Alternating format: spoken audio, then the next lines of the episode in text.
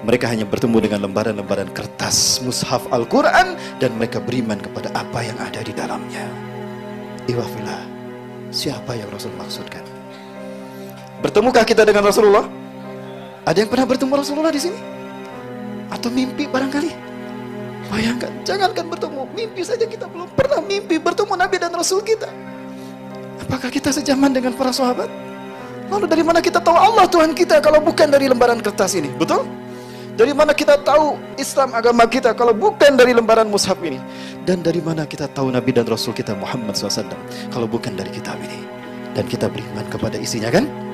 Ini tiket kita untuk menjadi kaum yang terbaik. Maka tidak salah jika Allah hidupkan kita di akhir zaman. Karena kita layak untuk mempertaruhkan pertarungan akhir zaman antara hak dan batil. Kita siap insya Allah memperjuangkan reputasi bukan hanya nama baik para nabi dan rasul termasuk nama baik Rasulullah tapi kita siap mempertaruhkan nama baik Allah sekalipun yang kita hadapi adalah iblis dan dajjal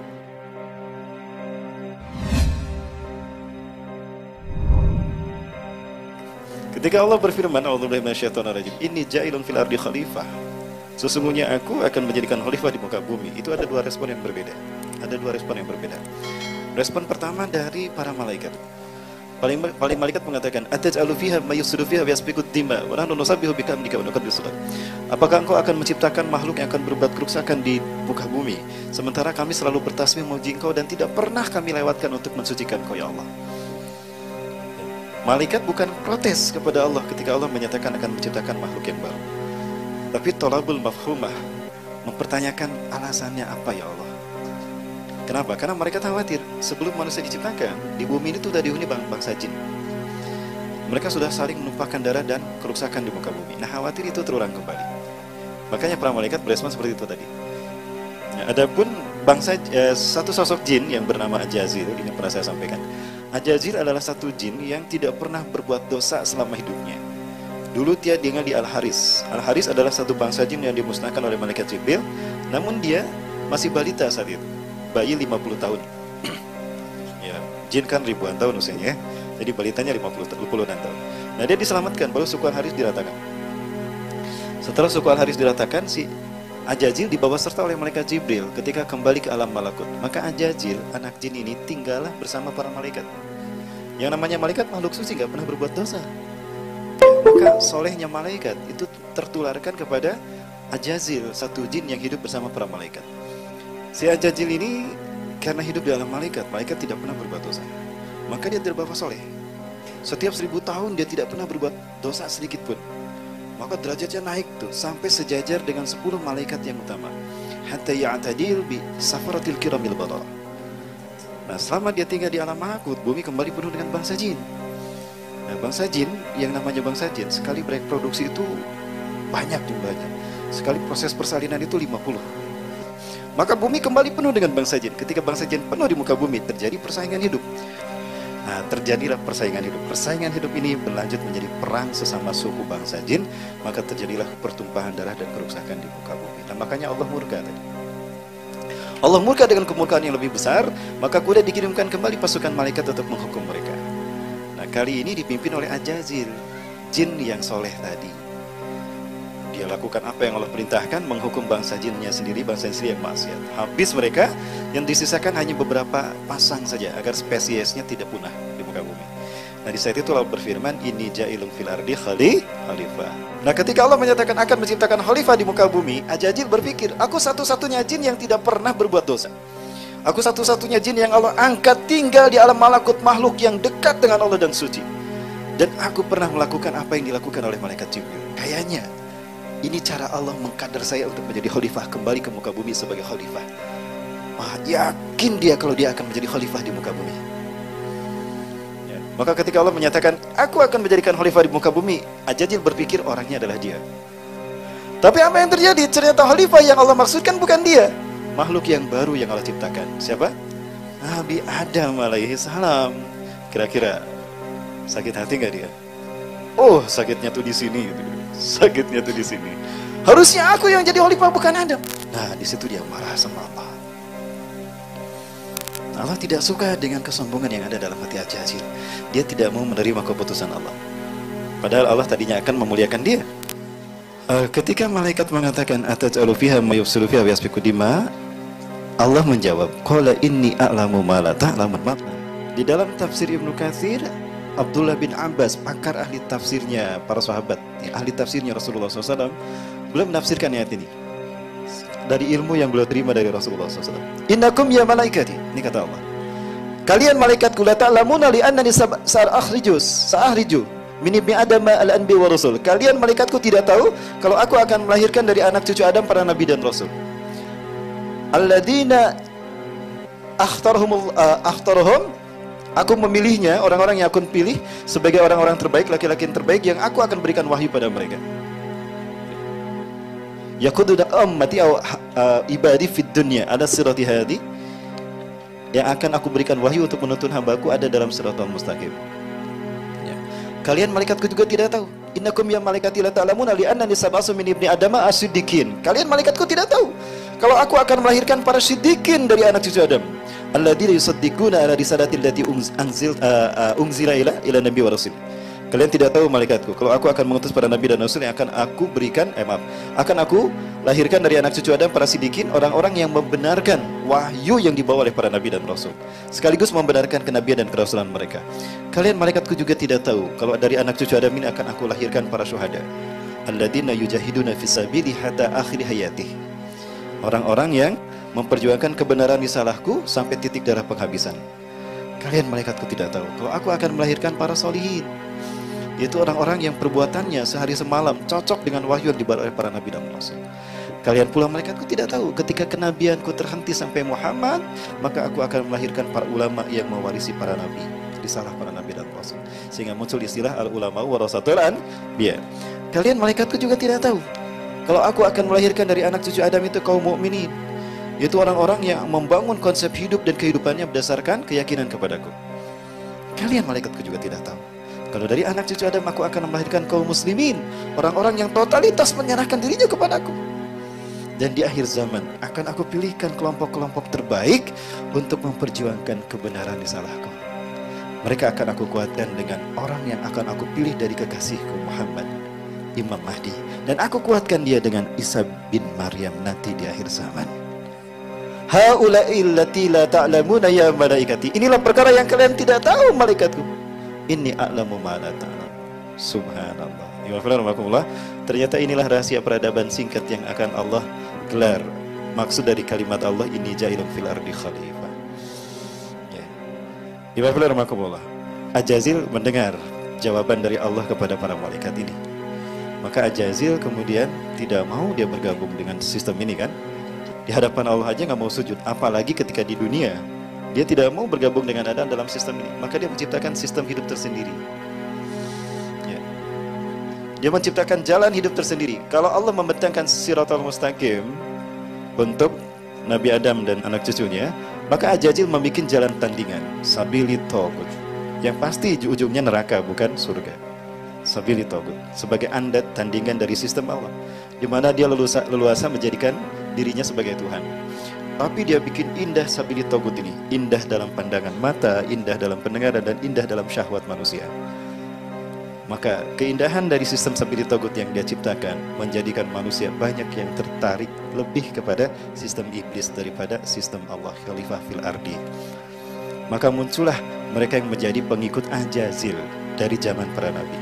Di zaman Nabi Ibrahim ada Namrus, di zaman Nabi Musa ada Fir'aun, ada Hamad, di zaman Nabi Isa alaihissalam ada Yudas Iskariot. Di zaman Rasulullah akan dilahirkan ada Abraha. Di zaman Rasulullah diutus ada Abu Jahal, ada Abu Lahab. Dan di akhir zaman, di zaman kita ada Abu Janda. Baik. Iwafilah rahmakumullah. Nah, dari sinilah kita faham, oh ini maksud firman Allah wahadainahu najdain dan kami ilhamkan kepada manusia dua jalan kehidupannya. Nah, surat Al-Balad ayat ke-10. Dalam surat Asy-Syams ayat ke-8 fa'alhamaha fujuraha wa taqwaha. Maka kami ilhamkan jalan kefasikannya dan jalan ketakwaannya. Satu jalan sabili togut yang ujungnya ke neraka yang satu lagi siratul mustaqim yang ujungnya ke surga. Nah, inilah kenapa ada hak dan batil. Kenapa ada pasukan Allah dan pasukan syaitan? Ada hizbullah ada hizbus syaitan.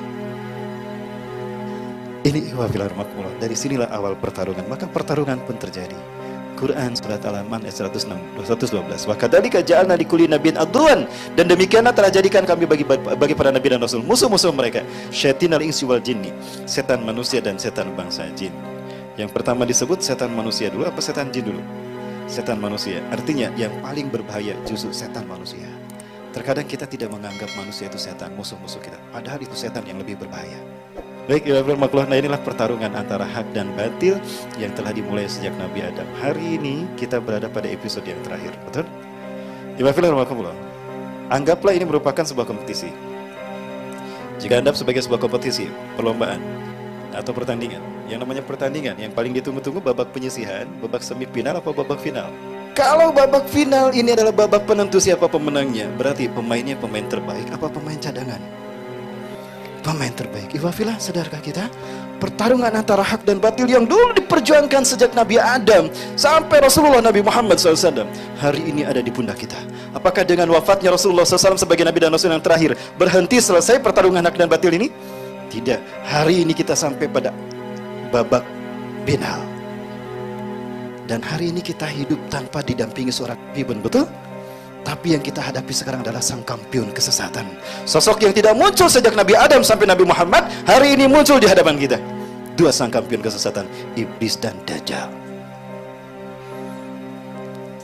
Yang kita hadapi sang kampion kesesatan, tapi kita pelaku-pelakunya adalah manusia biasa.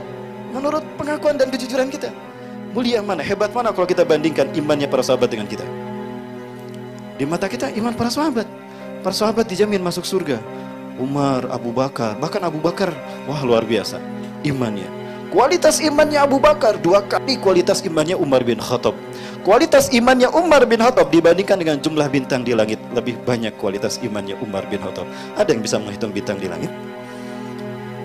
Tidak ada artinya bintang di langit dibandingkan dengan kualitas imannya Umar bin Khattab. Jadi, iwafilah, kita berada di ending peradaban, pertarungan, reputasi yang diperjuangkan bukan reputasi para nabi dan rasul saja. Bukan hanya nama baik Rasulullah, nama baik Allah yang kita pertaruhkan. Karena yang kita hadapi adalah dua sosok yang mengaku Tuhan, iblis dan dajjal. Betul? Ini pertarungan paling bergengsi sepanjang pertarungan hak dan batin. Tapi Allah yang mempercaya, eh, Allah mempercayakan kita sebagai pemain pelaku-pelakunya. Lalu saya minder sebetulnya ya Allah. Apa artinya saya dibandingkan dengan para sahabat? Iwafilah, kalau dibandingkan sekali lagi, siapa yang lebih baik, sahabat atau kita? Iwafilah, nah, suatu hari Rasulullah bertanya, Ayyul mu'minina a'jab ilaikum imanuhum. Mukmin manakah yang paling menakjubkan imannya bagi kalian? Para sahabat menjawab, Al malaikat ya Rasulullah, para malaikat ya Rasulullah, mukmin yang menakjubkan imannya. Tak. Bukan. Bukan ya Rasulullah, bukan. Kaifala yu'minuna? Bagaimana para malaikat tidak beriman? Wahum inda rabbihim. Mereka ada di sisi Allah kan? Para malaikat ada di sisi Allah. Gak mungkin mereka tidak beriman. Pantas mereka beriman. Begitu ya, ya Rasulullah. Lalu siapa lagi dong, dok? Antum ya Rasulullah, Nabi wa Rasul. Kalian ya Rasulullah para Nabi dan Rasul. Mukmin yang paling menakjubkan imannya. Apa jawab Rasulullah SAW? La kaifa la nu'minu bagaimana kami tidak beriman wal wahyu yunazilu ilaina. Bagaimana kami para nabi dan rasul tidak beriman wal wahyu yunazilu ilaina sementara wahyu turun pada kami. Wajar kami beriman. Kami selalu dikontrol oleh wahyu. Malaikat bukan, nabi dan rasul bukan. Siapa tuh, Bro? Eh. Akhirnya para sahabat berkata, "Nah, ya Rasulullah ashabu, kami ya Rasulullah sahabat-sahabat Anda." Kaifala tu'minuna? Bagaimana kalian tidak beriman? Wa ana baina. Aku ada di tengah-tengah kalian. Pantas kalian beriman karena aku bisa eh, kalian bisa melihat aku bagaimana aku memanage hari-hariku. Ya, setiap hari dari pagi sampai malam. Di antara kalian ada yang berbuat salah. Aku tegur kalian, aku luruskan kalian, selamat kalian dari perbuatan dosa, dari neraka. Wajar kalian beriman, aku ada di tengah-tengah kalian. Bingung para sahabat, Akhirnya balik bertanya, "Famanil ladina ajaba ilaina imanuhum ya Rasulullah?" Maka mukmin mana ya Rasulullah yang paling menakjubkan imannya bagi kami? Jika malaikat bukan, nabi dan rasul bukan, para sahabat bukan. Lalu apa jawaban Rasulullah? Alladzina ajaba ilaina imanuhum alladzina hina min ba'dikum. Orang-orang yang menakjubkan imannya bagi kita adalah mereka yang hidup jauh sesudah kalian. La yaltahikuna bi wala bikum. Mereka tidak pernah bertemu dengan aku dan tidak sejaman dengan kalian. Wa yajiduna suhufan wa yu'minuna Mereka hanya bertemu dengan lembaran-lembaran kertas mushaf Al-Quran dan mereka beriman kepada apa yang ada di dalamnya. Iwafillah, siapa yang Rasul maksudkan? Bertemukah kita dengan Rasulullah? Ada yang pernah bertemu Rasulullah di sini? Atau mimpi barangkali? Bayangkan, jangankan bertemu, mimpi saja kita belum pernah mimpi bertemu Nabi dan Rasul kita. Apakah kita sejaman dengan para sahabat? Lalu dari mana kita tahu Allah Tuhan kita kalau bukan dari lembaran kertas ini? Betul? Dari mana kita tahu Islam agama kita kalau bukan dari lembaran mushaf ini? Dan dari mana kita tahu Nabi dan Rasul kita Muhammad SAW kalau bukan dari kitab ini? Dan kita beriman kepada isinya kan? Ini tiket kita untuk menjadi kaum yang terbaik. Maka tidak salah jika Allah hidupkan kita di akhir zaman. Karena kita layak untuk mempertaruhkan pertarungan akhir zaman antara hak dan batil. Kita siap insya Allah memperjuangkan reputasi bukan hanya nama baik para nabi dan rasul termasuk nama baik Rasulullah. Tapi kita siap mempertaruhkan nama baik Allah sekalipun yang kita hadapi adalah iblis dan dajjal. Allahu Akbar. Terbayang tidak Ibu saking mulianya kita ini. Maka dahsyat luar biasa pahala yang Allah janjikan. Jangankan berjuang berjihad dengan darah dan nyawa kita Ihya sunnah saja menghidupkan sunnah Rasulullah pahalanya dahsyat Man ahya sunnati anda fasadi ummati falahu ajr mi'ata syahidin. Barang siapa yang menghidupkan sunnahku di hari manusia mematikannya, dia mendapatkan seratus kali pahala mati syahid. Seratus kali pahala mati syahid. Para sahabat bertanya, Asyuhadau minna minhum ya Rasulullah. Syahidnya kami atau syahidnya mereka di masanya? Apa kata Rasulullah? Bal syuhadau minkum bahkan syahidnya kalian. Allahu Akbar. Hari ini Ihya Sunnah menghidupkan sunnah Rasulullah. Ya pahalanya seratus kali syahidnya para sahabat. Baik, warahmatullah. Nah, ini Allah janjikan dahsyat begitu karena Allah Maha tahu pertarungan akhir zaman ini dahsyat mas, luar biasa. Jangankan berjihad untuk bertarung dan mempertaruhkan nyawa, istiqomah saja ujiannya berat kan? Istiqomah aja ditangkap, mau kajian aja dibubarin, mau ngisi kajian dilarang, dicegah, nggak jadi saya di cancel. Kenapa? Nggak boleh sama Nah, kan? Seperti itu iwafillah. Nah Rasul Allah maha tahu Maka Allah berikan keutamaan yang dahsyat bagi umat akhir zaman Saking dahsyatnya jihad di akhir zaman Bertarung mempertaruhkan hak dan batil di akhir zaman Semua Nabi dan Rasul meminta Berdoa kepada Allah Ya Allah tangguhkan ajal kami Hidupkan kami di zaman umat Muhammad akhir zaman hidup Saking dahsyatnya pahala yang Allah janjikan Tapi adakah para Nabi dikabulkan doanya? Tidak Hanya satu Nabi yang Allah kabulkan untuk hidup di zaman kita Nabi Isa alaihi salam. Allah Akbar. Maka bersyukurlah kita hidup akhir zaman. Jangan jangan minder dan jangan uh, kecewa kita tidak bertemu dengan Rasulullah. Insya Allah di akhirat kita ketemu. Ya, asalkan kita istiqomah.